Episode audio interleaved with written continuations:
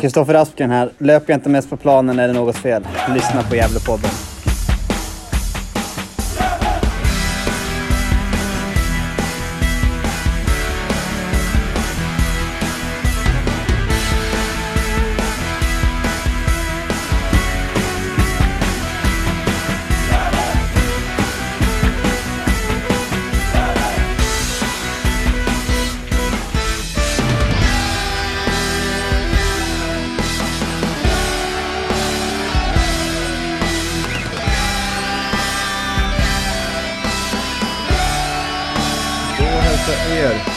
Välkomna till ett nytt avsnitt av Gävlepodden. Det är avsnitt nummer 385 vi spelar in nu. Och det är onsdag den 21 februari. Eh, trion är samlad igen. Isak, Niklas och Johan. Hur mår vi i Sätra, Johan? Ja men eh, det, det är bara toppen. Jag sitter och dricker en mitt i, i veckan öl här också. Jag ju, har ju min helg nu och eh, jobbar för fullt eh, till helgen så att eh, jag passar på att eh, ta mig en bira nu. Så äh, men det känns riktigt bra. Håller på, eh, sitter här och laddar upp också för att jag ska intervjua eh, veckans Per Asp här också efter jag pratat med er. Ja, det, det är bra att du säger att du har jobbat också. Annars kan ju folk få intrycket av att du bara sitter och poddar och dricker öl. Ja, exakt. Ja, jo. Eh, ja, jag jobbar kanske inte riktigt som, eh, som alla andra om man säger så. Jag jobbar ju dygn när jag jobbar. Så är det. En som däremot inte jobbar alls, det är Isak Muren. Eh, Nej, det stämmer. Lever det Ja, glada livet i Uppsala. Ja, absolut. Det är 100 procent.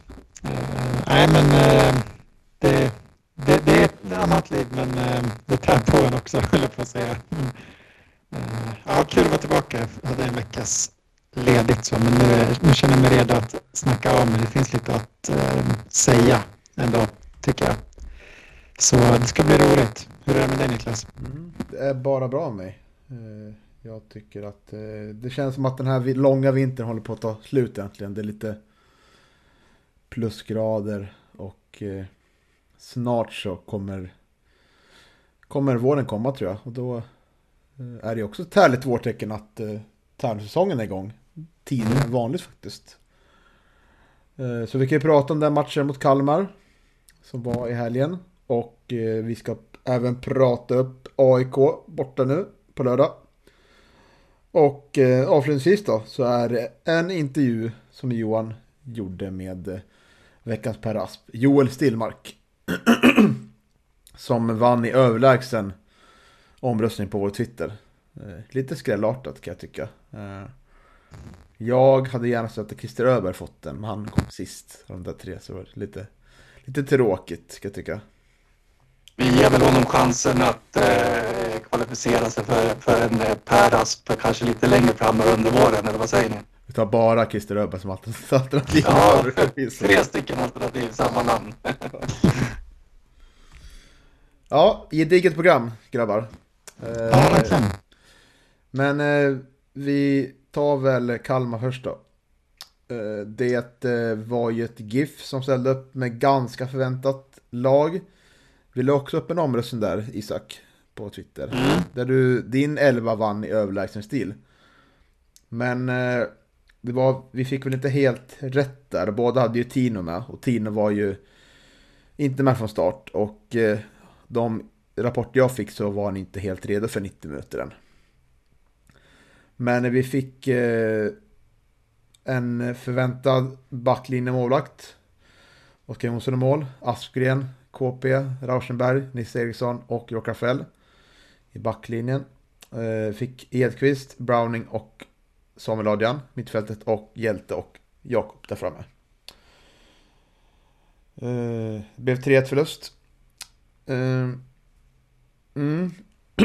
Vi sa ju här innan lite i förra veckan att eh, eh, eller jag vet inte om jag sa det på det, kanske var det på vägen till Kalmar, men att eh, kände liksom att en poäng är en bonus, men att jag hellre skulle vilja se ett, eh, ett spel som går framåt och får lite positiva signaler mot rustet ut i år. Hur, om vi börjar där Isak, vad, vad tycker du? Vad är det steg framåt där? Alltså både ja och nej tycker jag. Jag tycker, ehm, jag tycker att det var en bättre match än mot Sundsvall och Brage. Utan att på något sätt vara bra. Ehm, det, det fanns ändå vissa saker i spelet som jag tycker utvecklats jämfört med de matcherna. Analys, alltså, Helges matchen tar jag liksom inte med i beaktande för det finns, det finns inte så mycket att, att dra av den. Så, men men eh, sen var det ju väldigt mycket jag tyckte eh, många tecken på att det inte alls går framåt utan att det, det snarare ehm, ser ganska likadant vad gäller initiativlöshet och ganska ehm, stillastående, tråkigt och, och, och passivt sådär. Um, så, och det var väl liksom det intrycket som, som var starkast från min sida. Att jag, jag tycker um, kanske inte att den här glöden eller, eller de initiativen man hade velat se i en första tävlingsmatch fanns där riktigt. Utan det var väldigt, det var ganska tråkigt. Ehm, och det gjorde mig ganska besviken. Ehm, jag hade förväntat mig mer av Gävle. Ehm, men samtidigt så, så vet jag att det är ingen superpositiv trend laget befinner sig i just nu. Trots att det bara är försäsong så jag vet inte riktigt vad jag hade för förväntningar heller, men, men hade velat se lite mer gnista, kan jag tycka.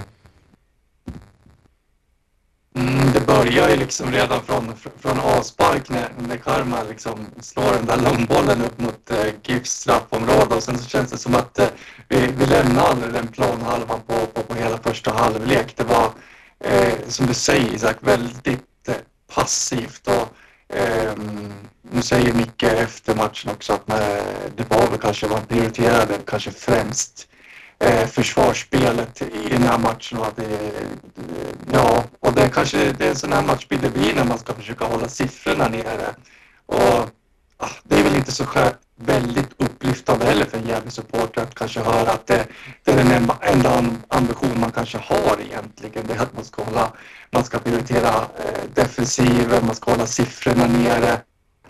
Eh, det, det, det, är inte jätteroligt. Eh, och sen absolut, det kanske, det kanske hade runnit iväg ännu mer om det var så att liksom Gävle hade uppträtt på ett annat vis. Men, men det är ju också å andra sidan oroande i sig så att säga. Så att, eh, eh samtidigt så säger Micke att man, man är ungefär där man eh, har tänkt sig vara liksom i, i, i processen och eh, ja, så, i, i den här fasen av, av eh, försäsongen och så. Men eh, jag, jag håller med dig Isak, jag skulle nog ha velat sett några tendenser till, till liksom någon typ av offensiv och hur man har tänkt spela eh, för att lösa de bitarna. För det är ju ändå det, det liksom största problemet. Och det känns som att man har ärvt det från, från, eh, från höstsäsongen också. Och, Eh, bortser man från den här plojmatchen mot Helge så har man inte vunnit den fotbollsmatchen i augusti nu så att äh, det, kän det känns lite sådär att vara jävligt support just nu. Det finns ju många olika sätt att se på den här matchen tycker jag. Eh, Micke sa ju tidigare inför den här matchen att eh, man siktar ju liksom på att, eh, att ta kuppen på allvar och, och att vinna matcher. Och det tror jag såklart man gör, men jag tror också att man ser det här som en viktig, viktigt försångsläger ändå. Att man vill matcha igång sig till, att, till superettan. Eh, och det, jag ser väl också, landar väl också i den idén liksom. I den, i den inställningen för eh, det skiljer så pass mycket pengar bland de här två trupperna. Det är liksom ett Kalmar alltså, som låg övre halvan i Allsvenskan år. Man ser på deras spelare att det är ett helt annat tempo i spelet så därför blir det ju klasskillnad.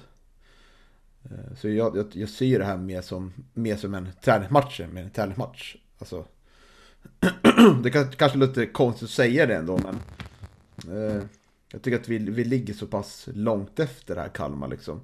Även mot AIK ligger vi långt efter. Eh, så jag, jag ser nästan mer som att eh, det är därför jag tycker att det kan vara viktigt att få igång, få igång ett bra spel liksom. Och då är de här matcherna jättenyttiga. Eh, sen såg det inte jättebra ut heller, det håller jag med om. Men jag ser det här mer som matcher där man kan, kan träna upp och få möta bättre motstånd. Eh, så, ja. Ja, alltså, jag förstår vad du menar och, och man måste ju ha realistiska förväntningar och, och jag tror innerst inne så, så har jag nog ändå din inställning också Niklas att det är, det är positivt att möta de här lagen på försäsongen och få de här matcherna. Men, men när det ser ut så här så undrar jag liksom det känns som att det varken blir eh, hackat eller malet för det ja, man går in, vi ska få de här matcherna mot, mot bättre motstånd men samtidigt känns det inte som att man gör så mycket av det. Eh, utan det, det blir liksom ganska slätstruket och det, här, ja, det hade varit en sak om man gick in med inställningen att men nu får vi de här matcherna, vi gör vårt bästa och ser hur långt vårt spel håller och, och liksom testar det fullt ut. Men nu känns det mer som att det är vi kommer hit och har ska försvara oss direkt och, och då känns det inte som att det ger så mycket. Sen tror jag kanske i det långa loppet gör det men, men det blir ändå det är som att man har inställningen redan från början att nu kommer vi och möter de här allsvenska lagen och, ehm, och liksom, vi har ingen chans mot dem. Så där. Jag hade gärna sett ett lite kaxigare Gävle i de här sammanhangen. Även om jag litar på, på Mickes process och, och liksom ändå har realistiska förväntningar. Vi kommer inte gå vidare i cupen så tycker jag att jag hade gärna sett att man tog för sig lite mer för jag tror ändå att det är det laget behöver nu. Att gjuta lite självförtroende, få med sig någon form av prestation, resultat att bygga på. Men, men nu blir det ganska... Eh, ja, men det, det, blir varken eller känns det som. Eh, men jag, I alla fall i det korta loppet. Jag tycker ändå att man har försökt spela anfallsfotboll. Eh, jag tycker, ja, jag, tycker, alltså. jag tycker att man, man, eh, man stod inte bara på kontra utan man försökte komma fram och eh, eh, kommer fram som Micke säger x antal gånger på kanterna. Problemet var ju bara att när vi väl kom fram så fick vi antingen tappa bollen eller börja om liksom. Oftast börja om och sen en lång boll från backlinjen framåt liksom. Eller tappa bollen centralt. Det var ju väldigt liksom trångt centralt så jag förstår inte varför man envisades med att slå de bollarna. Framförallt det var ett tempo där vi inte alls behärskade passningsspelet på. Och det, det, det var ju stora problemet den här matchen. För vi hade ju ett, äh, mötte ett Kalmar som hade betydligt bättre passspel än vi hade. Och så de var ju betydligt snabbare upp i, i press. Mm. Äh, I många centrala lägen. Där vi inte alls var i närheten. Eh, så jag, jag tycker att vi, vi försökte men vi var ju allt, alldeles för dåliga på det. Och jag, jag förstår inte heller i andra halvlek var, varför fortsätter vi envisa med att spela tre mittbackar. När vi ligger under så pass tidigt med 2-0. Eh, och när vi liksom... Vi spelar bara runt, ibland ganska långsamt tempo i, backlinjen när vi får hålla den i lugn och ro. Eh, och våra centrala mittfältare är markerade. Ingen kommer ner femta boll. Varför tar man ut en mittback då och sätter in till mittfältare så man får lite mer liksom eh, spelare på mitten för att passa på. Jag tycker att, jag tycker att det liksom man borde försöka göra en förändring där liksom. För det lär komma liknande situationer också i framåtserien där vi liksom hamnar i underlägen där vi måste ändra matchbilden på något sätt. Och nu hände ju ingenting med matchbilden i andra. Det var ju liksom den här första kvarten som kanske var det bästa offensivt liksom. Eh, men det var innan matchbilden riktigt hade satt sig också. Uh, där vi fick den här, det var lite systematiskt också när vi får den här frisparken ute på Ute på vänsterkant där vi gör någon slags variant som bara rinner över och vi skämtar på läktaren där att ja Det var väl den chansen den här matchen. Och det stämde ju nästan så. Så jag tycker att dels man borde gjort något mer för att förändra matchbilden Och man borde fyllt på lite mer på kanten också. Mm, men det blir ju ett problem. Det blir ju ett problem. Du som säger att vi, vi, vi lyckas kombinera oss fram efter kanter i, i vissa lägen och så. Men, eh, men understödet till, till York eh, och eh, till, till Aspgren när man väl når liksom i närheten av eh, sista tredjedelen där och eh, Kalmars straffområde. Det är ju att det, det finns ingen att liksom Eh, Eh, ofta så, så, spelar man ju överlappande där, att man ska lämna över bollen till, no, till någon liksom som kommer på, på inlägg. Men, men nu, nu, nu ställs man själv där ute och då blir det att då spelar man hemåt istället. Fast man är rädd att bli av med bollen. Eh, man vågar av någon anledning kanske inte att eh, eh, eh, ja, ut, utmana och kanske försöka liksom ta sig förbi utan det, det blir att man, man blir rädd att, att göra ett misstag eller, eller kanske vara, man blir rädd att ja, det är nu jag som tappar bollen liksom. Och då lämnar man över ansvaret genom att liksom bolla tillbaka till straffområdet. Och där, där spelas ju bollen inte alldeles för lågt tempo. Eh, funkar ju inte liksom mot eh, Brage, det funkar inte mot GIF Sundsvall som är superettan-lag och då, då gör det ju verkligen inte det mot, eh, eh mot Kalmar liksom som, som du säger, vet du, Niklas eh, slutade på den övre halvan på, på allsvenskan förra säsongen. Så jag förstår inte för allt i världen liksom, jag måste fråga Micke varför ska man hela tiden börja om och ha, liksom, få hela motståndarlaget framför sig nu. Framförallt när man redan liksom har spelat sig förbi stora delar av, av eh, att man kanske i stort sett bara har backlinjen i, i Kalmar kvar. Ska man ändå liksom tillbaka med bollen? Det är, det är helt obegripligt. Men det har vi frågat mycket om förr. Och, ja. eh, kommer du ihåg svaret? Nej, jag minns inte. eh, vi kan ju fråga det igen. Det är möjligt att det är ett annat svar. Men det var att man, man ville få till det rätta läget liksom. Det var, vi pratade mycket om det här, jag tror det var under första år, eller andra år.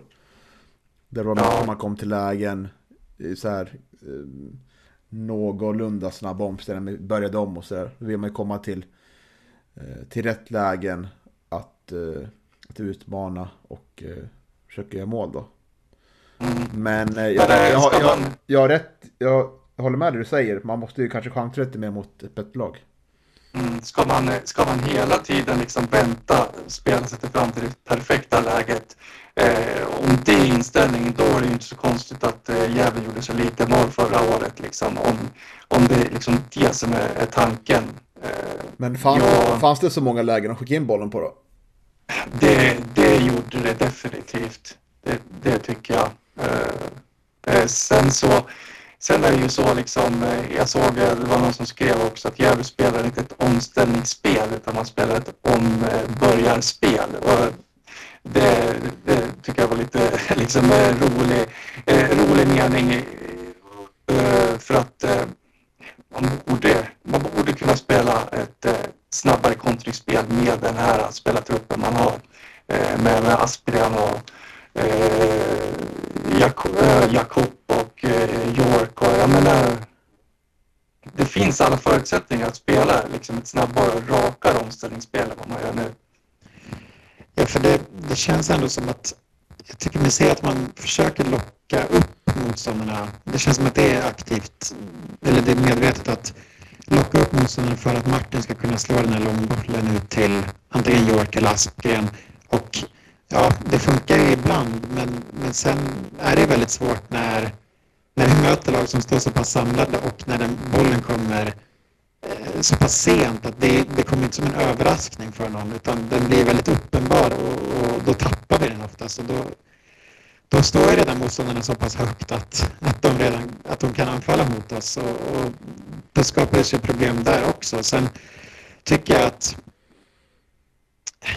så det, det är väl egentligen inget fel med att Gävle försvara sig, att det är en matchplan att försvara sig, stå lågt, stå rätt och liksom inte bjuda på några ytor. Nu tycker jag man gör det ändå, men, men det har väl ändå varit det som var tanken med det här spelet.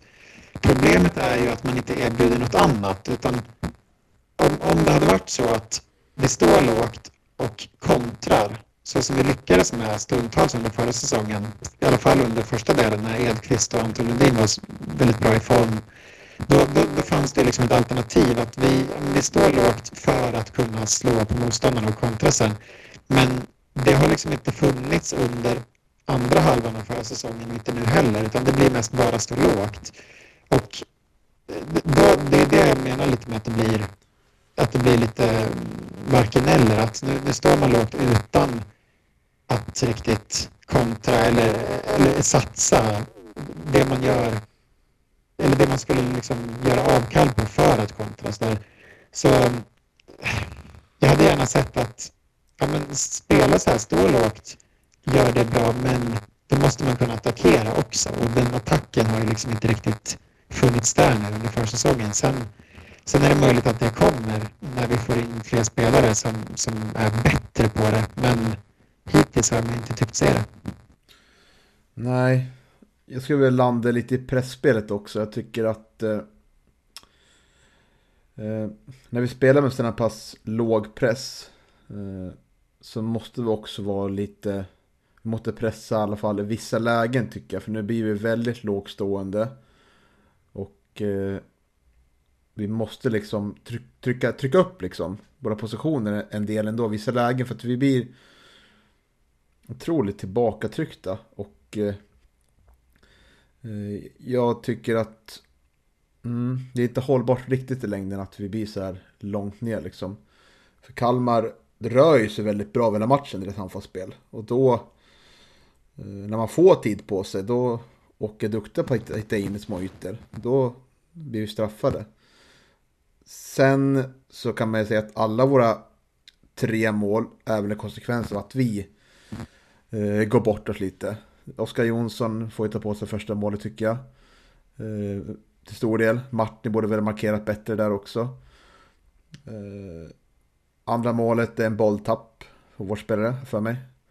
Eh, och trean är ju Nisse som slarvar bollen. Så, eh, så jag tycker att vi, vi måste liksom trycka till lite där och vara lite mer, inte låta dem få Eh, som står i ytor. För de jobbar ju sig in hela matchen liksom, mer och mer liksom. Och sen om man jämför med Kalmar press då, Kalmar pressar ju väldigt högt liksom som de flesta offensiva lag gör. Och eh, vi vill nog att de kan göra det, för att då får vi mer upp, ytor där uppe liksom. Men då gäller det att vårt mittfält är på alerten där och visar sig i rätta ytor så vi kan slå bollen framåt. Och där tycker jag att vi, vi börjar matchen. Antonio och Jakob eh, rör sig, tycker jag, bra under stora ytor. Kommer ner och visar sig, vill ha boll liksom. Men han ebbar ut lite där liksom. Eh, vi har ju en del spelare som gör det efter den första kvart. Kan jag tycka att de är så här, försvinner ur matchbilden. Eh, och äh, då blir det att vi har några stunder när vi lyckas spela sig ur pressen. Kommer framåt.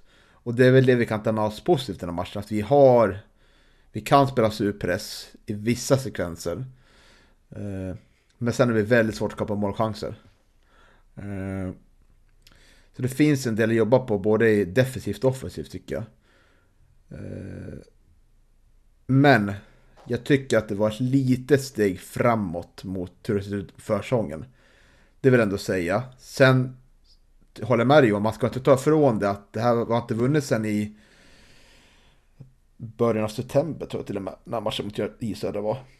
Så det ska, ja, man, det ska man ha med sig. Man kan också ha med sig att vi mötte ett ett motstånd som är övre halvan i allsvenskan. Och där ska vi inte ha en chans på pappret. Så jag tycker det finns eh, en del negativt men litet del positivt kanske ta med sig ändå. Ja, jag tror ändå att, att man kommer växa in i, i eh, gruppen och jag hoppas att prestationerna kommer bli bättre för varje match. För jag tror, en, jag tror ändå det det är min förhoppning och jag håller med om att det såg ju bättre ut nu. Alltså mot Sundsvall och Brage där fanns det ingenting att hämta ut. Men nu, det finns ändå tendenser eh, och det är klart att det, det ger ju ändå en erfarenhet där. Så det, jag hade inte samma liksom hopplösa känsla som jag hade efter eh, Brage och, och Sundsvall utan jag är försiktigt lite mer positiv, men, men, men det är fortsatt stora frågetecken. Jag tycker det, det finns frågetecken kring vårt mittfält också. Att där, där tycker jag mig liksom inte se någon som riktigt axlar det där ansvaret som Oskar Lundin tog, utan det, det finns ganska stora brister där och jag tycker inte att Samuel Adrian och Lucas Browning riktigt hittat varandra än. Eh, och när det du sa Niklas om att vi borde tagit upp en, en fjärde mittfältare, det håller jag med om. För det, det blir lätt tunt på mittfältet och, och, det känns som att vi blir övermannade. Det, det, det, tycker jag att vi blivit alla tre matcher nu. Att det känns lite som att vi är en man kort där och då, då är det svårt att skapa någonting offensivt också när, när vi liksom hela tiden måste försvara på mittfältet. Mm, absolut. Uh, ja, Oskar Jonsson. Eh, tveksam insats första målet. Mm. Jag reagerar lite på så här efterhand. Han har lite svårt att komma upp vid, i luftrummet vid hörna tycker jag. Han lyckas, bo, lyckas boxa bort den men det känns som bollen kommer ut lite i ingenmansland och vem som helst kan, kan ta tag i bollen och göra mål. Så ja, det var lite, det var lite oroväckande. Men bra att han kommer upp. Men det känns som att eh, både han och eh, hans kollegor i backlinjen kanske borde hjälpta med i de situationerna. Ja, första målet, eh, det är ju inte, det är inte lysande markeringsspel heller. Det, det lär man ju ta med sig och, och, från det också. Det, eh, han glöms ju verkligen bort där. Eh, Kalmarspelaren som jag tappar namnet på nu. Eh, dansk spelare va? Trenskov. Jakob Trenskov. Ja. Starkt. Verkligen starkt. Ja. Nej, men eh, det, ja, jag tycker inte riktigt att Oskar Jonsson äh, kommit in helt i det heller. Mm, känns inte som att äh, mitt, eller backlinje och målvakt hittat varandra än. Och äh, ja, nu släpper vi in två nickmål och var, jag tycker ändå att vi, vi var ganska... Det var matcher där vi var ganska svaga, släppte in en del nickmål förra året och ehm, ja, det finns mer att göra vad gäller markeringsspelet i egen box. För rätt vad det är går vi bort oss och då är vi ganska sårbara. Mm. Ja, det är ju intressant också. Jag vet att både spelare och Micke har sagt det också att, vet du, att äh, defensiven ska bli bättre till den här säsongen att äh, man antyder att man släppte till alldeles för mycket lägen och ja, Robin Wallinder var väl den målvakt som tvingades till, till eh, flest räddningar av alla målvakter i Superettan förra säsongen. Men den här försäsongen, den, jag vet inte, den, den antyder väl att vi är någonstans liksom, det har varken gått framåt eller bakåt utan det ser väl i stort sett likadant ut. Mm. Uh, ja, det var, det var småkyligt på Fjölebro IP kan jag tycka som var där. Uh, men vi fick uh, ja, dels en bortasession uh, bestående av eh, ja, ett bord som vi fick bära dit själva liksom. Så vi stod, vi såg, såg inte ni på tv men vi stod på en, ett bord kan man säga. Så vi såg lite bättre. Och vi stod ju väldigt, ja, ja, grymt är väl. Det var, det var, det var lite etta norra vibes faktiskt. Så det, det kan man ju älska på sitt sätt. Men vi stod ju väldigt nära 2-0 målet där och eh, vår tanke när bollen gick in var att den inte var inne hela bollen. Men sen har jag sett eh, repriser och eh, jag har börjat ändra mig lite att hela bollen kanske var inne ändå. För att den studsar ju lite märkligt efter touchen där. Så jag tror nog att 2-0 målet var regelrätt. Synd. Ja. Ja, det, det, det, är jättesvårt att se på de där bilderna eh, naturligtvis. Eh, eh jag tror väl inte att, att Gävle hade vunnit den där matchen i alla fall. Eller, alltså inte ens fått oavgjort med, med, med tanke på hur matchbilden såg ut. Eh, men eh, det är klart att man satt varit, var, varit lite förbannad. Du skriver också Niklas att ja, hela bollen var inte inne. Så, så det, då satt man och svor lite över Testa som, mm. som eh, var domare som eh, kanske var lite tveksam i den här matchen också kan jag väl tycka. Jag tycker hon har varit ganska bra i andra matcher hon har dömt Gävle men det här tycker jag väl att det var mm, lite tve tveksamma domslut och har väl en tendens att blåsa lite för mycket kan jag tycka. Mm. Mm. Uh, men fick ett nytt bortaställ, sa du det? Mm, ja. Lite större nummer va? Mm, det var välkommet. Ja, välkommet. Eh, min spontana tanke var att jag tyckte det var trevligt. Men är det inte väldigt likt GIF Sundsvall? Det är det säkert. Och det som jag reagerar nu, nu är det väl så kanske att man naturligtvis inte kunde spela det där vinröda. Men, men hoppas att det, att det kommer att finnas ett eh, vinrött ett extra ställ också till den här säsongen. Kan jag känna. Ja, det mörkblå var ju ändå tredje ställe i fjol va? Så det är inte omöjligt att det här är någon slags 3D-ställ slash kuppställ. Men eh, det lär väl bli ett... Eh, det kommer inte gå att spela i det här mot AIK på lördag. Så jag vet inte om de har hunnit få de nya tröjorna. Nej, vi får se. Ja, jag säger i alla fall dist i det här borta stället. Vad säger ni? History of this? Ja, jag lutar åt diss faktiskt jag också. Eh, det Ja, ja men tror jag. Typ, ja, jag tror nog det. Men ganska slätstruket. Ska vi eh, avsluta med något positivt då? Vem var bäst på plan tycker ni?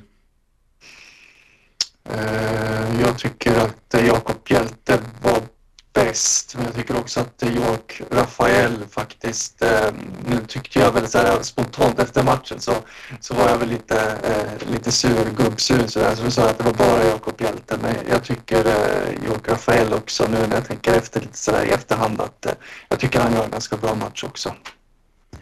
Ja, jag tycker också York var bäst hjälte gör en väldigt bra match. Eh, men, men York är bäst och jag tycker att han är den enda som liksom riktigt tänder till och visar ordentlig vilja. Ehm, det, det har varit lite brist på det under på sistone tycker jag och det kändes ändå på honom som att det var tävlingsmatch. Han var taggad på att möta sitt gamla lag och han gör det som alltid väldigt bra. Ehm, jag tror att han kommer bli vår viktigaste spelare i år, eh, som, så som truppen ser ut nu. Ehm, han, han, han har ju en liksom kvalitet som, som sticker ut i det här laget och jag hoppas verkligen att han får bli skadefri den här säsongen och det är nästan så jag blir lite sugen på att testa att flytta upp honom på ett mittfält nu under försäsongen och se hur det fungerar. Ehm, om, om det skulle stagnera så här på mittfältet som det gjort nu. Men eh, jag tycker York var, var bäst. Ehm. Mm. Jag håller med.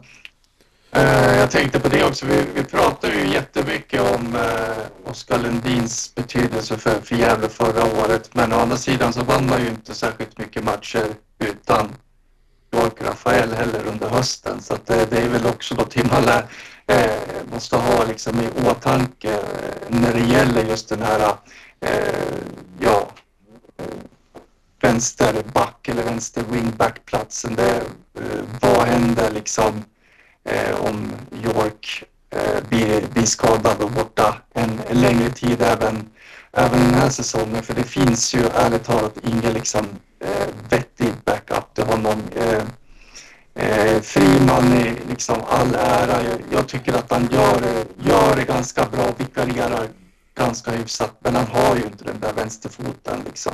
Och de, de kvaliteterna som York eh, Rafael, är, Rafael har. Så att, eh, ja, jag vet inte. Det pratas mycket om eh, anfallare och att det ska in en anfallare till och eventuellt en mittback då, men, men eh, vänsterving, eh, vänsterback skulle också behövas.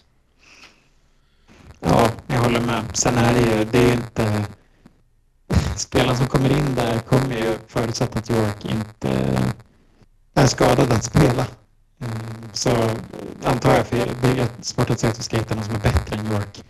Det är om, om han ska kliva upp på mittfältet. eh, Så, men ehm, Ja, eh, det behövs mer konkurrens för där, där är det sårbart. Mm, Men det, Ja, det är bara att hoppas att York håller sig skadefri. För jag, jag håller med Johan, vi, vi pratar för lite om hur viktig York är för vårt spel. Um, um, jag tror att han, han kommer bli viktigast i år faktiskt. Hoppas han kan producera med poäng i fjol också. Det kommer bli en viktig. verkligen. Mm. Men vi siktar fokus då mot helgens match mot AIK. Som kommer spelas på lördag på Tele2 Arena. Kvart över tre, tror jag rättare sagt där. Mm. Eh, finns det några platser kvar i Karlshyttans buss så anmäl er eh, snarast. Eh, ja, AIK då. Man har haft en relativt lugn silly season. Man har tappat fyra spelare. Haliti, Kaboye, Kimpioka och Brolin. Fått in eh, fyra spelare också. Benjamin Tideman, Selina Ellingsen och Ismail Diawara från Malmö. Eh, vann ju första cupmatcherna mot Örebro SK med 3-1. Eh, jag tror att det var ganska jämn match i första halvlek, sen sprang väl AIK ifrån lite. Eh, men eh, vad, AIK är ju liksom i någon slags nybygge av en av truppen då. Eller av spelet framförallt då. Det var ju ett eh, kaotiskt flo, förra, fjolårssäsong. Eh, vad, vad känner ni inför AIK? Det känns ändå som att det kommer bli kul. Eh, jag tror att det är en match många i truppen ser fram emot. Eh, alltså, vi har inte spelat inför sån här stor publik eller ja, ett storlag mot ett storlag på väldigt länge. Så jag tror att och hoppas att laget kan tagga till lite mer än vad det kändes som att de gjorde mot Kalmar. Och, eh, förhoppningsvis göra en, en lite bättre match. Eh, ja, det kommer ju jag, jag, vet liksom inte riktigt var AIK står. Kanske är det så att Kalmar är bättre än AIK. Eh, det, det är mycket möjligt. Men eh, sen, sen är det liksom en läktarfaktor och sånt som, som eh, försvårar. Men, men jag tror att det kan vara lite eh, som triggande faktor för det, för att det, det kanske ändå tänder någon gnista förhoppningsvis. Mm. Ja, nej, men det är väl skräckblandad eh, förtjusning naturligtvis. Det är precis som du är inne på Isak. Det är, det är äntligen ett, eh, ett, ett storlag och det är väl mest synd att den här matchen inte spelas på, på Gavlevallen faktiskt. Det, eh, det är väl det hade varit liksom riktigt grädde på moset. Men, men, nej, men man ser väl fram emot det och också ser jag fram emot och hoppas på, skönja någon typ av eh, anfallsidé till, till den här matchen och att man faktiskt börjar våga lite grann. Det, det gör inte så jäkla mycket att man tappar en boll uppe vid vet du, AIKs eh, liksom, sista tredjedel utanför straffområdet. Bra mycket bättre att tappa bollen där eh, än att man gör det nere i egen backlinje som, som liksom ändå har varit någon typ eh, av eh, liksom eh, ja, det är det man har sysslat med den här försäsongen om du förstår vad jag menar. Mm. Eh, spontant då tycker jag Kalmar är en svårare match än AIK. Eh, man vet ju inte vad man har riktigt AIK. Det, det känns som ett lag som, mm, som är någonting nytt här. Och det, det tror jag kan passa oss eh, ganska bra. Eh, att de får... Det blir väl en väntad matchspel att de kommer föra matchen ganska mycket. Vi får försöka ligga lågt och komma upp lite då och då liksom. Men eh, jag hoppas de tar an sig det på ett inspirerande sätt då, GIF. Och de har ju tränat nu med publikljud på Galovallen, läste jag. Ja, vad, tyck, vad tycker ni om det? Ja, det jag vet inte. Det är väl bra kanske att eh, känna på det liksom på något sätt. Eh, jag vet, det är jättestor betydelse, men man kanske får... Det är väl det som inte spelar för stora publiksiffror. Så är det så. Ja. Det skadar väl inte liksom, tycker jag. Och, eh, men jag tror inte att det är jätteviktigt heller. Känns lite som att man... Ja, det är så mindervärdeskomplex på något sätt. Men äh, nej, det, jag tror inte heller att det skadar. Ganska typiskt jävel om inte annat va? jo, lite. Ja, nej, nej, det skadar nog inte. Men det känns lite... Ja, jag vet inte. Men äh, jag, jag känner som dig Johan att jag, jag hoppas ju att det, det jag vill se är inte att vi vinner utan det jag vill se är att det finns mod och tendenser till eget spel. Att, att liksom men se hur vi ska anfalla i år. För ja, vi ska bli mer offensiva. Vi ska få upp, lyckas trycka upp en till gubbe i boxen med, med vårt tvåmananfall. Men vi har liksom inte riktigt sett hur det ska gå till än. Um, och det vill jag gärna se uh, ganska snart. Uh, och jag hoppas verkligen att man, man vågar testa lite mot AIK. Um, ehm, och jag vet inte om, om det, det släpper någon press liksom när få resultat mot sig, att man kan spela ut lite mer att liksom tävlingssammanhanget inte blir det viktiga. Så där. Jag vet inte.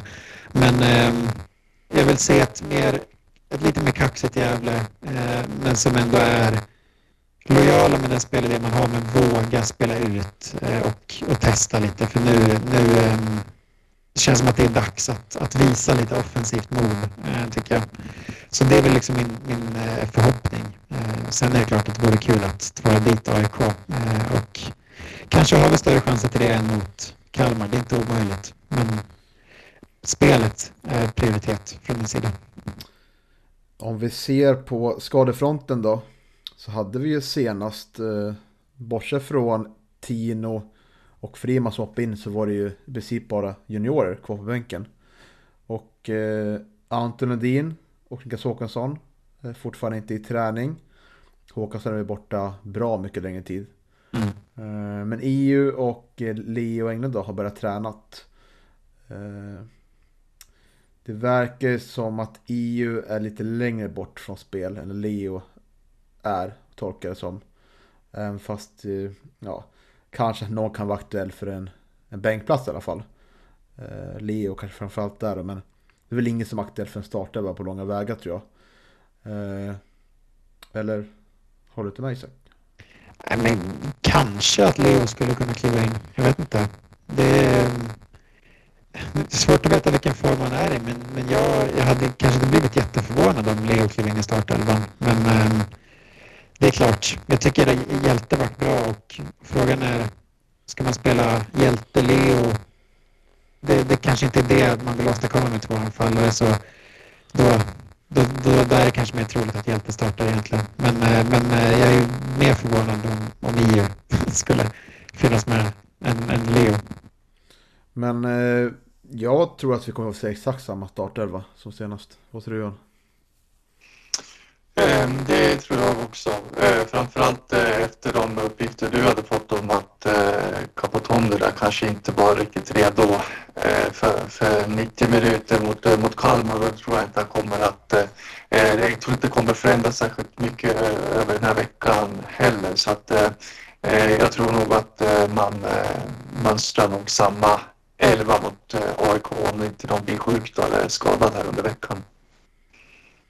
Mm. Ja, det, det är väl känslan också. Jag, jag hoppas att om Tino skulle vara redo, nu verkar det inte som det, men eh, att han skulle kunna kliva in. För det känns som att vi, vi kanske behöver någon som kan hålla lite boll på mittfältet och, och liksom stabilisera det lite. Sen, eh, sen verkar det kanske inte som att han är i, i toppform, men jag vet inte, starta matchen eller, istället för att komma in. Men det kanske är svårt. Eh, så det lutar väl mer åt, åt samma startelva. Um, och de, de gjorde det kanske inte så dåligt mot Kalmar så det finns ju ändå att bygga vidare på. Men um, det är väl mittfältet jag hoppas tar störst kliv. Um, och det är väl dags att de börjar hitta varandra där lite. Men, men det är svårt samtidigt när, när två tilltänkta startspelare förmodligen på mittfältet är borta. Så ja, se gärna att Io och Tino kommer tillbaka snart. Mm. Ja, det ska bli, det ska bli kul ändå. Eh, vi, mm. Om vi ska gå vidare från kuppen så måste vi ta poäng, kan man säga. Jo. Eh, så är det. Helst tre. Håller ett slags liv.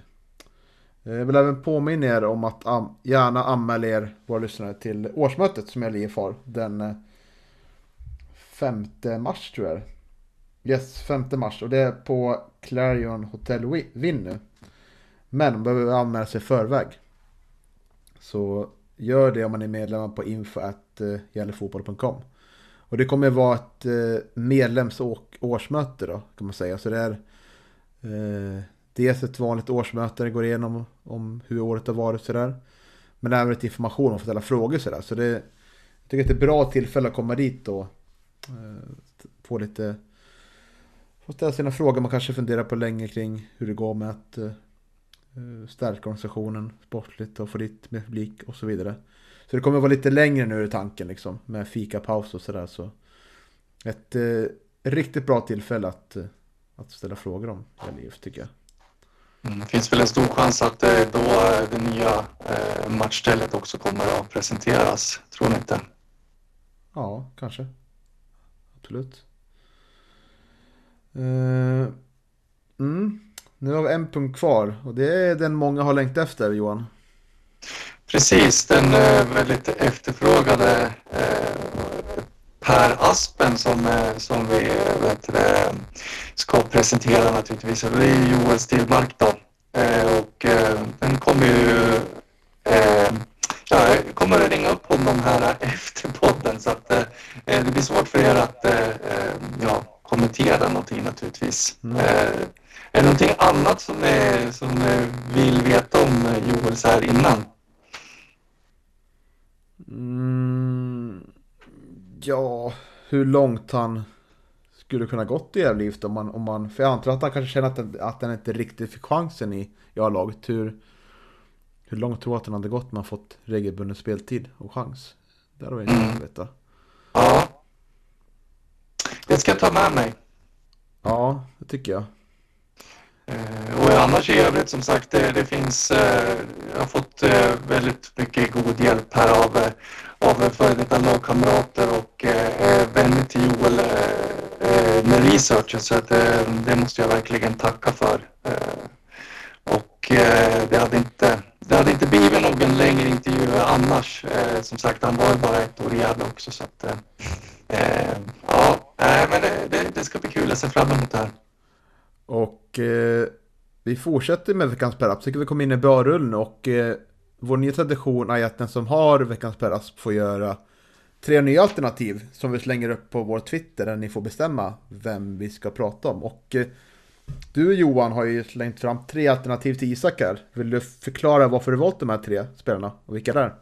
Ja, jag kan väl börja med att säga vilka tre jag har valt och det är Hjalmar Öhagen och så är det eh, Eh, ja, han har ju liksom en, en lite intressant eh, historik ändå för att eh, det hände ju en del liksom eh, i hans karriär även efter Gävle så att säga. Så att, eh, eh det, det, kan vara liksom intressant eh, för, för, Isak att gräva i.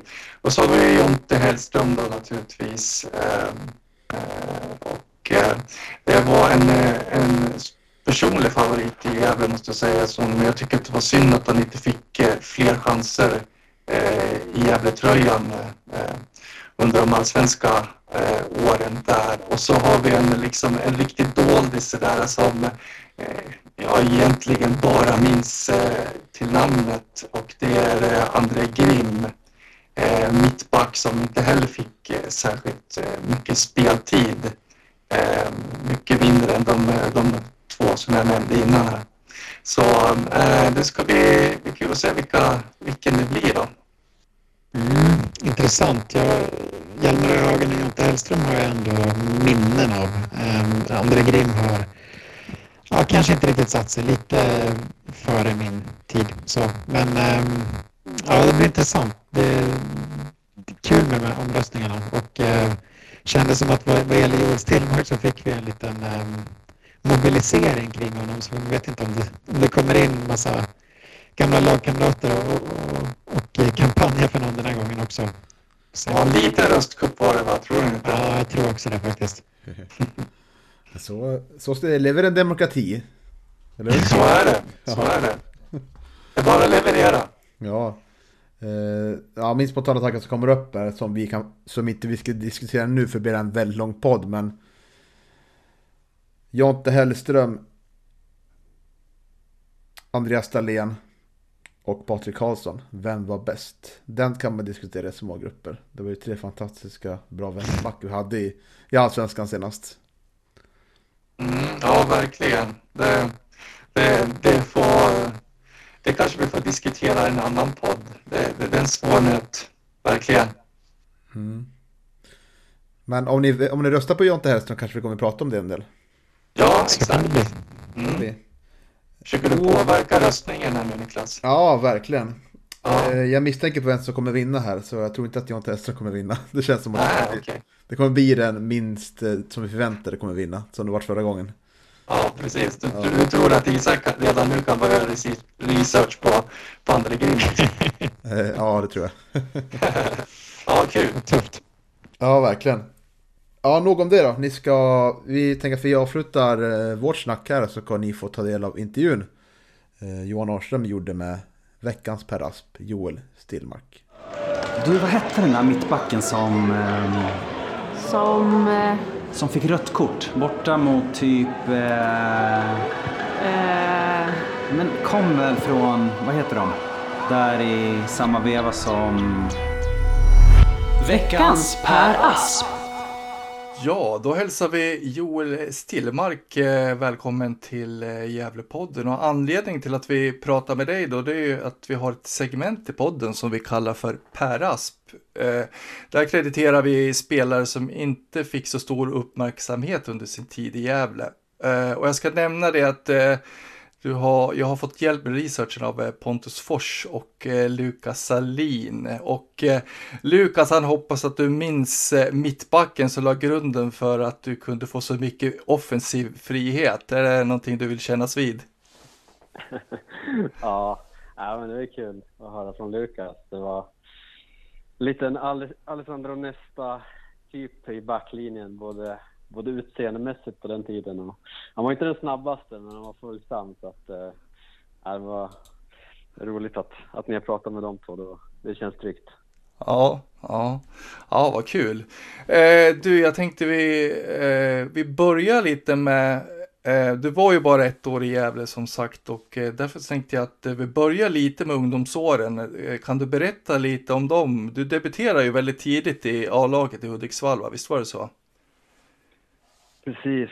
Eh, ja, vad kan det ha varit då, då? Nej, men som sagt, jag är från Hudiksvall, så det var väl där jag fick min fotbollsuppfostran. Eh, på den tiden hette ju föreningen Hudiksvalls ABK då. Eh, numera en del av Hudiksvalls FF då, HUT. Så att, nej men jag var väl där fram till ja, runt 16 år.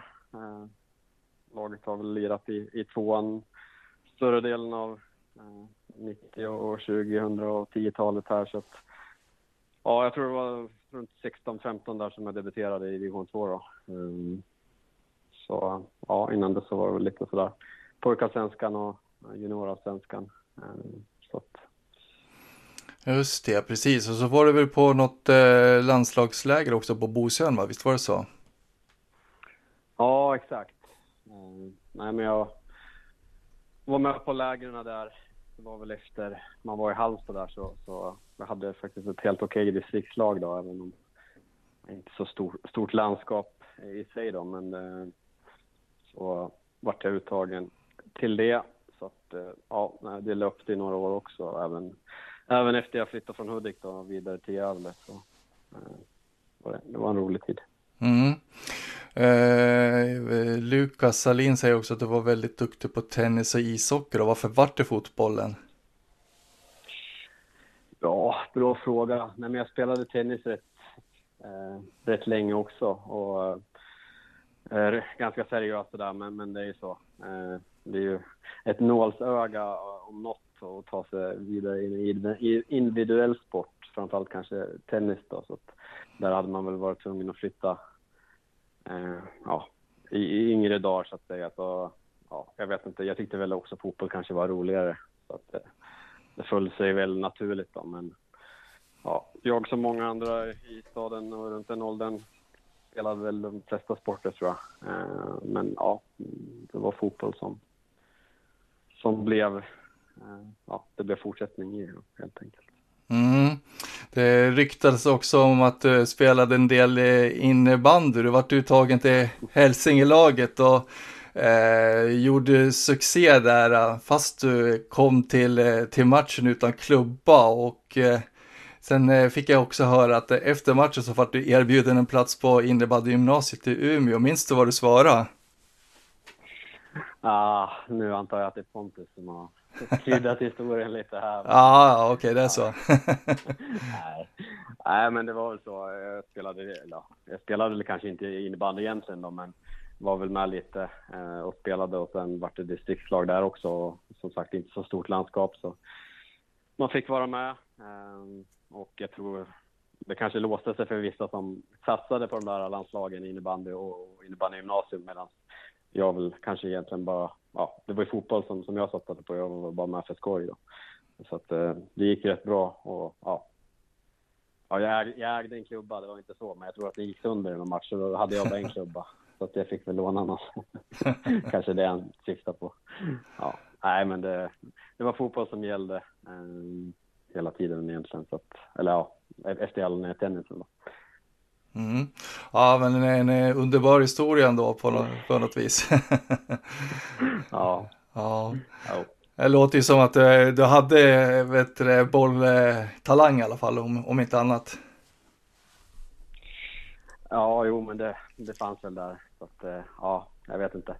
Nu på senare år kanske hade man önskat att man var en, en late bloomer istället för en, så att säga, att man blommade tidigt där. Men ja, nej, men det var, det var roliga år. Man kunde vara delaktig i fler sporter och sådär. Men eh, som sagt, fotbollen fick man också uppleva en hel del i. Så att jag ska liksom inte, inte klaga på det valet heller egentligen. Nej, nej, jag förstår.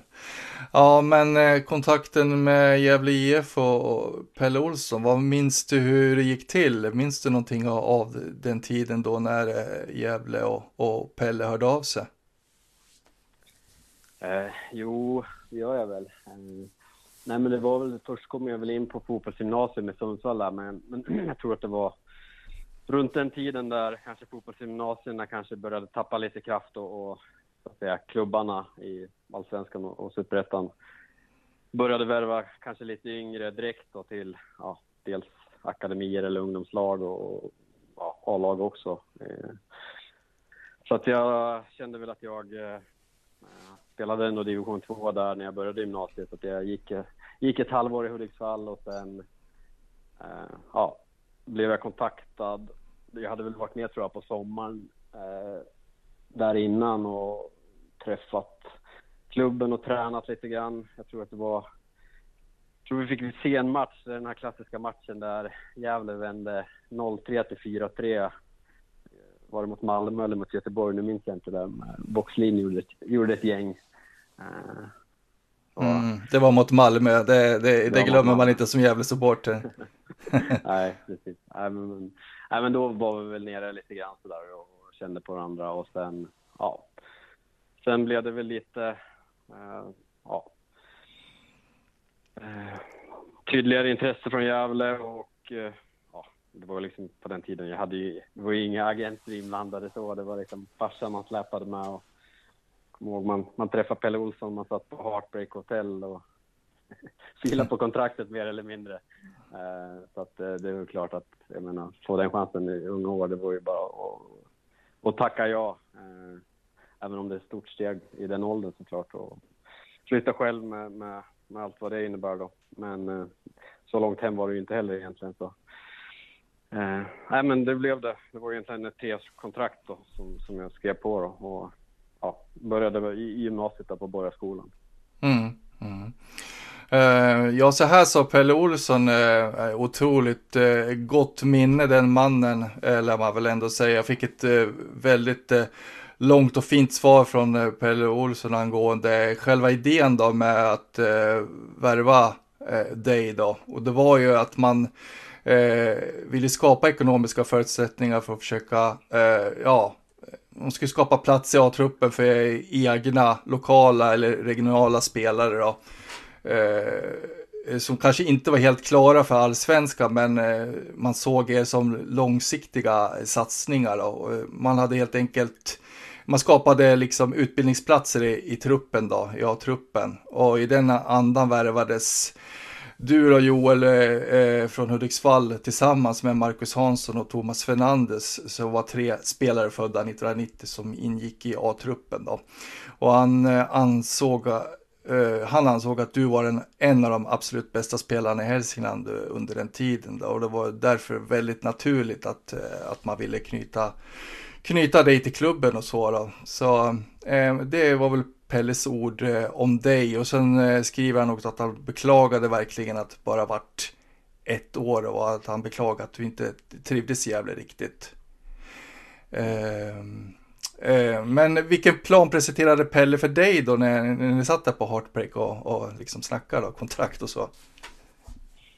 Um, nej, men det var väl liknande. Alltså, det var ju ett treårskontrakt och, ja, och, och det var ju lite det den säger. Och det är roligt att han minns mig. Jag har haft en del spelare sedan dess. Men, nej, men det är som du säger. Eh, eh, hade jag väl haft en stomme som hade spelat väldigt länge i laget. Eh, och just det här året var det ju en del värvningar, bland annat ja, men Marcus Hansson kom ju från Brynäs då, hade också lirat lite division 2 där. Eh, och, och jag och sen Thomas då, som var från, från egna leden i Gävle. då. Eh, så att, eh, nej men det var väl skoj och tack var väl såklart att slussas in och, och jag menar först och främst vänja sig vid träningsmängd och eh, någonstans hade man ju väl, var man väl mer eller mindre junior fortfarande så att jag menar komma in, in i allt det. Så att, eh, och jag menar känslan på föreningen den var ju fortfarande, eh, det var ju som, ja, väldigt familjär liksom, inte liksom företagsmässig som, som kanske många föreningar är nu, utan det var ju, även om det var i allsvenskan och det var ju ett, etablerat lag där, så var det liksom, han var ju både sportchef och tränare, så att det var ju ganska enkelt för honom att, ja, så att säga, värva dem han också ville, ville ha, om man säger så. Så nej, men det var ju såklart eh, spännande för en, en 16-17-åring. Då. Så, så det nappade jag på och flyttade ner dit helt enkelt. Mm. Hur var året i Gävle rent eh, fotbollsmässigt om vi börjar där? Nej men det var ju egentligen jättebra. Alltså, det gick ju väl ändå väldigt bra för mig också eh, såklart. Jag menar jag var inte kanske i närheten att, att göra någon allsvensk debut då utan det var väl mest få ta del av träningen och, och försöka få matcher. På den tiden hette det ju allsvenska reservaserien. Det är väl likt U21 nu då. Eh, även fast det kanske var mer, ja, var inte samma tävlingsmoment då. Men, men det var ju Stockholmslagen och ja, Örebro och, och Norrköping och lite sådana lag man mötte då. Och sen hade jag även, tror jag, kontraktet att jag kunde liksom på kort varsel bli, bli spela med, med ABK i division 2 eh, då. Samt också eh, hoppa med med Tipselit då, i Gävle. Så att där låg ju matchmiljön. Mm, mm.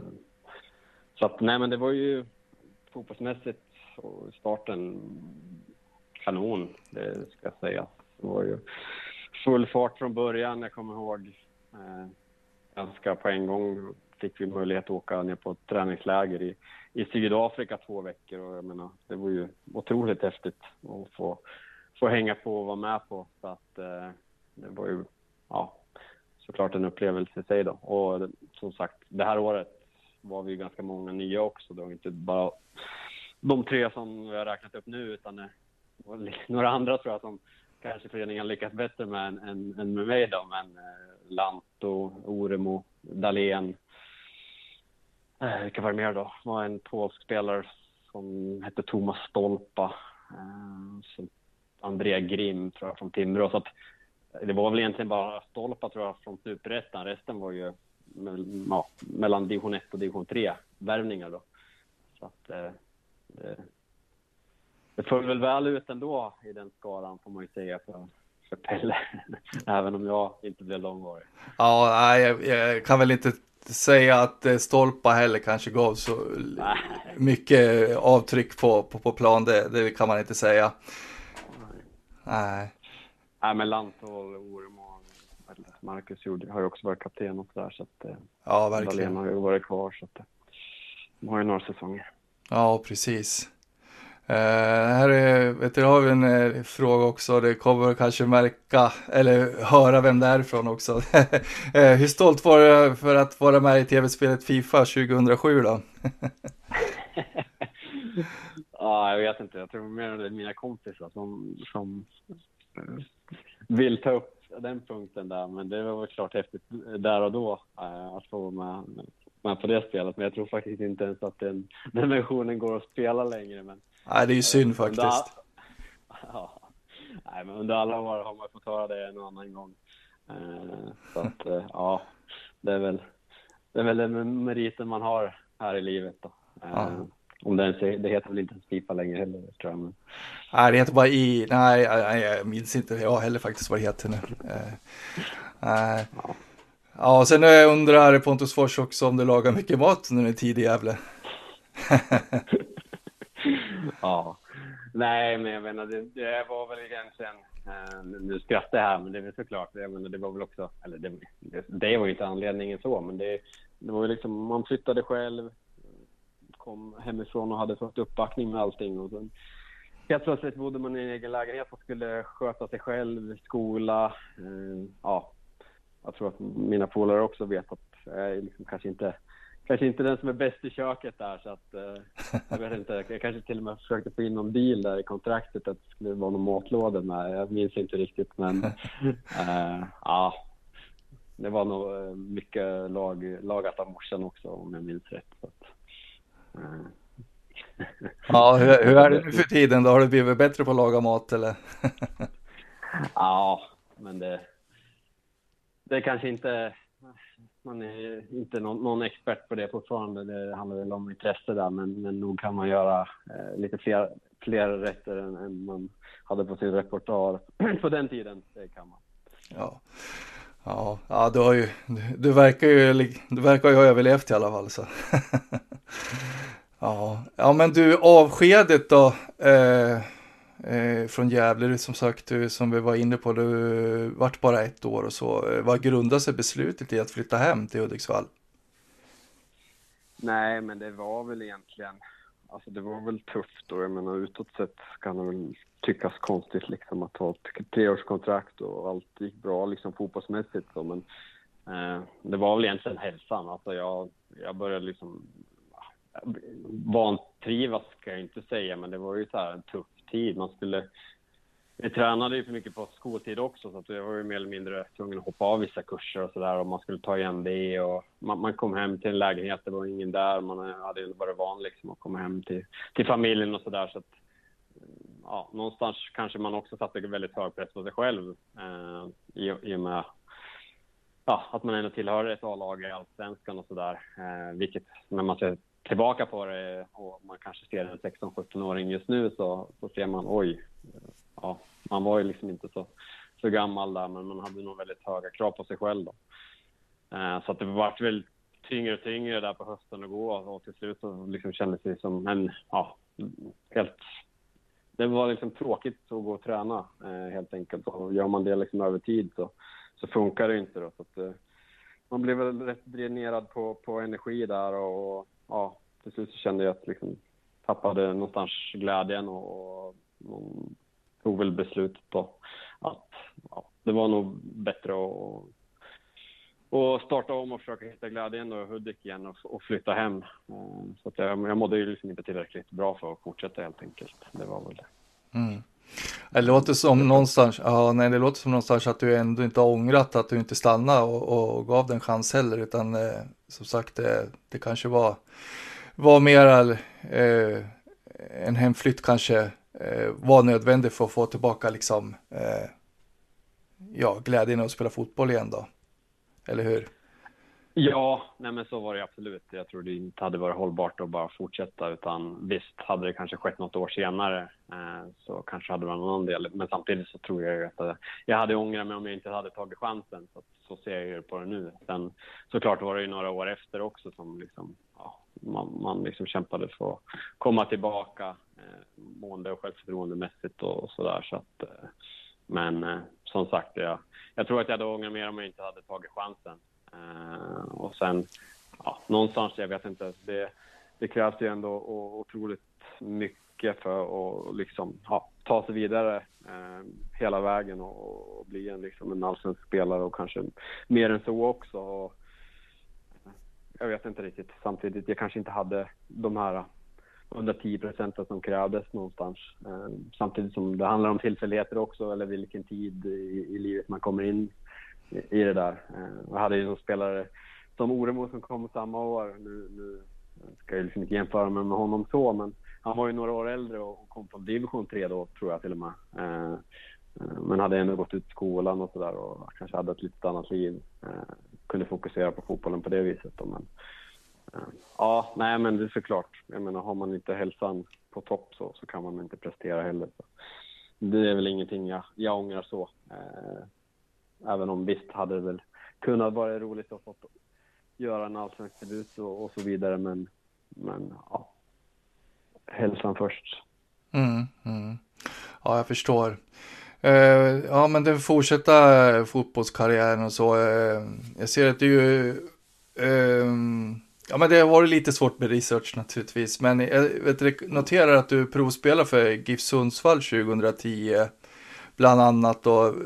Eh, så att, eh, eh, och de var väl på hyfsat hög nivå under den tiden, va? Visst var det så?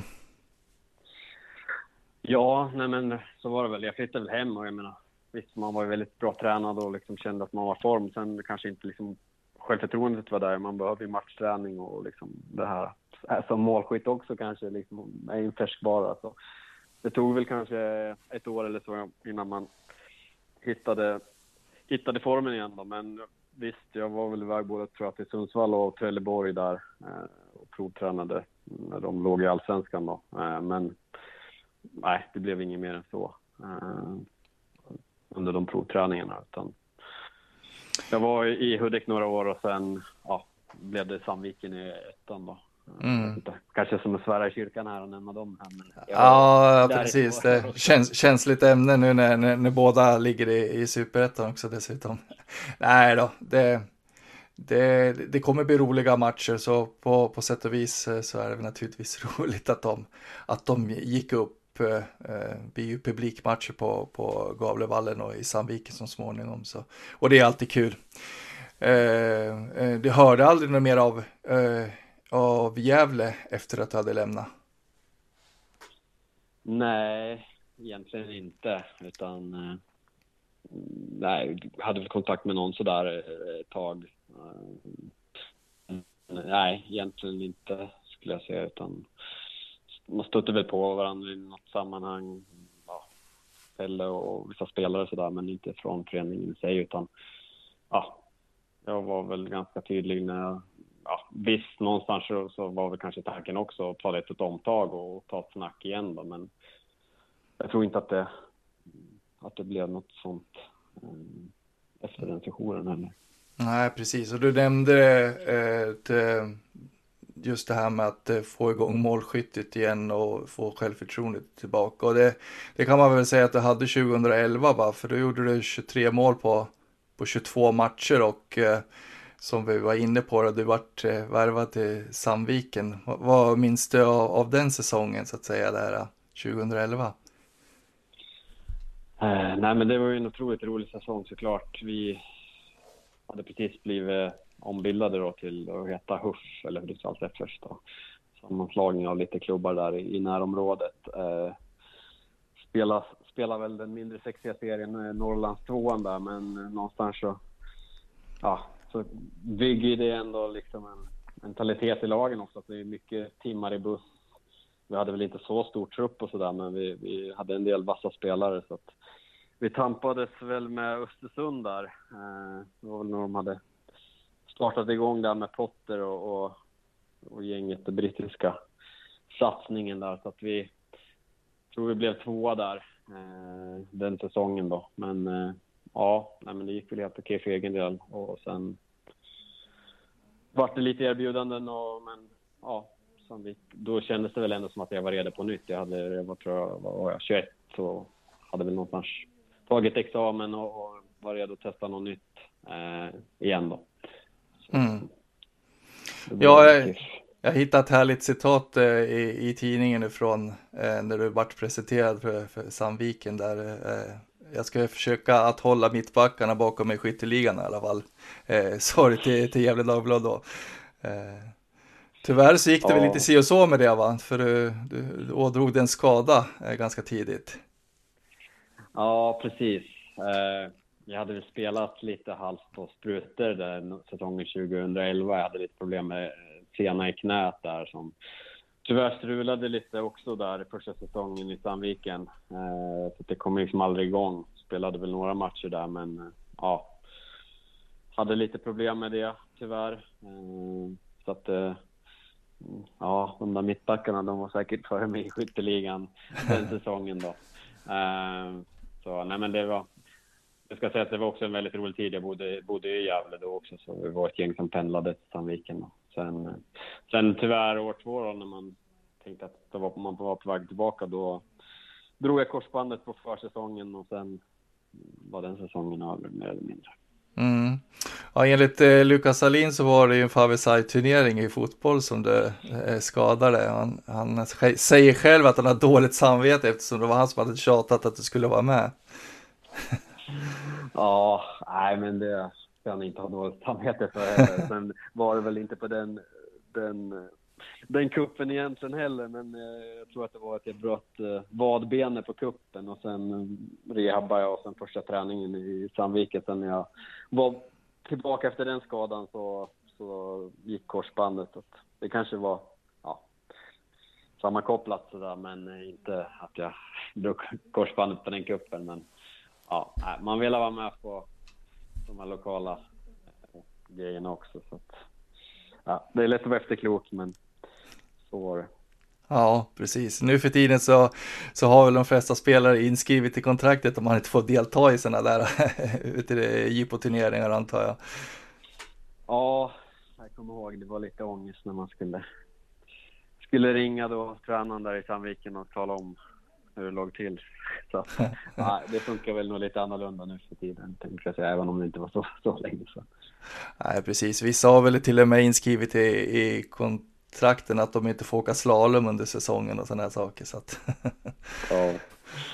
ja. Ja, men efter Sandviken då, då var det flytt hem till Hälsingland igen och eh, Iggesund var bland annat. Lite småklubbar och sådär. Eh, ja, nej men precis.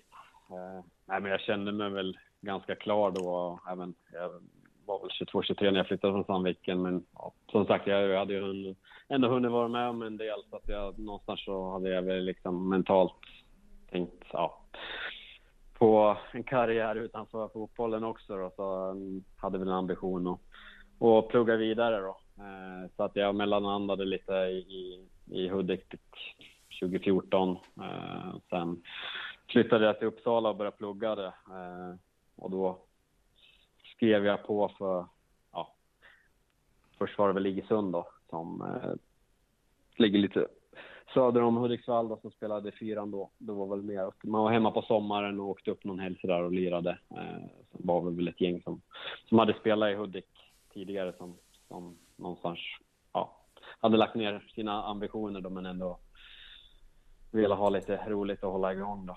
Så, eh, ja, det var väl Iggesund någon säsong där, om det var två eller tre kanske till och med som jag hamnade under, under pluggtiden. Mm. Ja, och eh, vad gör du idag då? Du eh, bor i Stockholm som sagt och sådär. Vad, vad sysslar du med om dagarna? Ja, vad gör jag? Mm, nej, men jag, eh, jag jobbar på ett, eh, ett IT-bolag.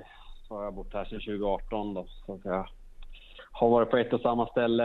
Eh, det tar väl mycket tid. Eh, annars försöker jag väl ändå hålla igång med lite, lite paddel och lite träning i övrigt. Vi, vi är ju ett gäng Hudikbor här i Exil som brukar hänga eh, med varandra och ja, bland annat är det ju lite gamla Gävlespelare, bland annat William Wallin och Daniel Eliasson är med i gängen här. Så att vi brukar hitta på lite saker, kolla på fotboll och ja.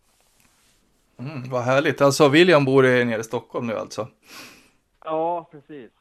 Att, eh, jag tror de skrev så sent igår att de hade köpt biljetter till på lördag och frågade om jag skulle hänga med. Så att, eh, ja. Ja, härligt, här, härligt. Så. Det är klart du ska dit. Ja, jag kanske dyker upp. ja, men eh, grymt. Eh, jag tackar så mycket för att du eh, ställer upp Joel och är med i programmet. Det var, det var riktigt roligt att prata med dig.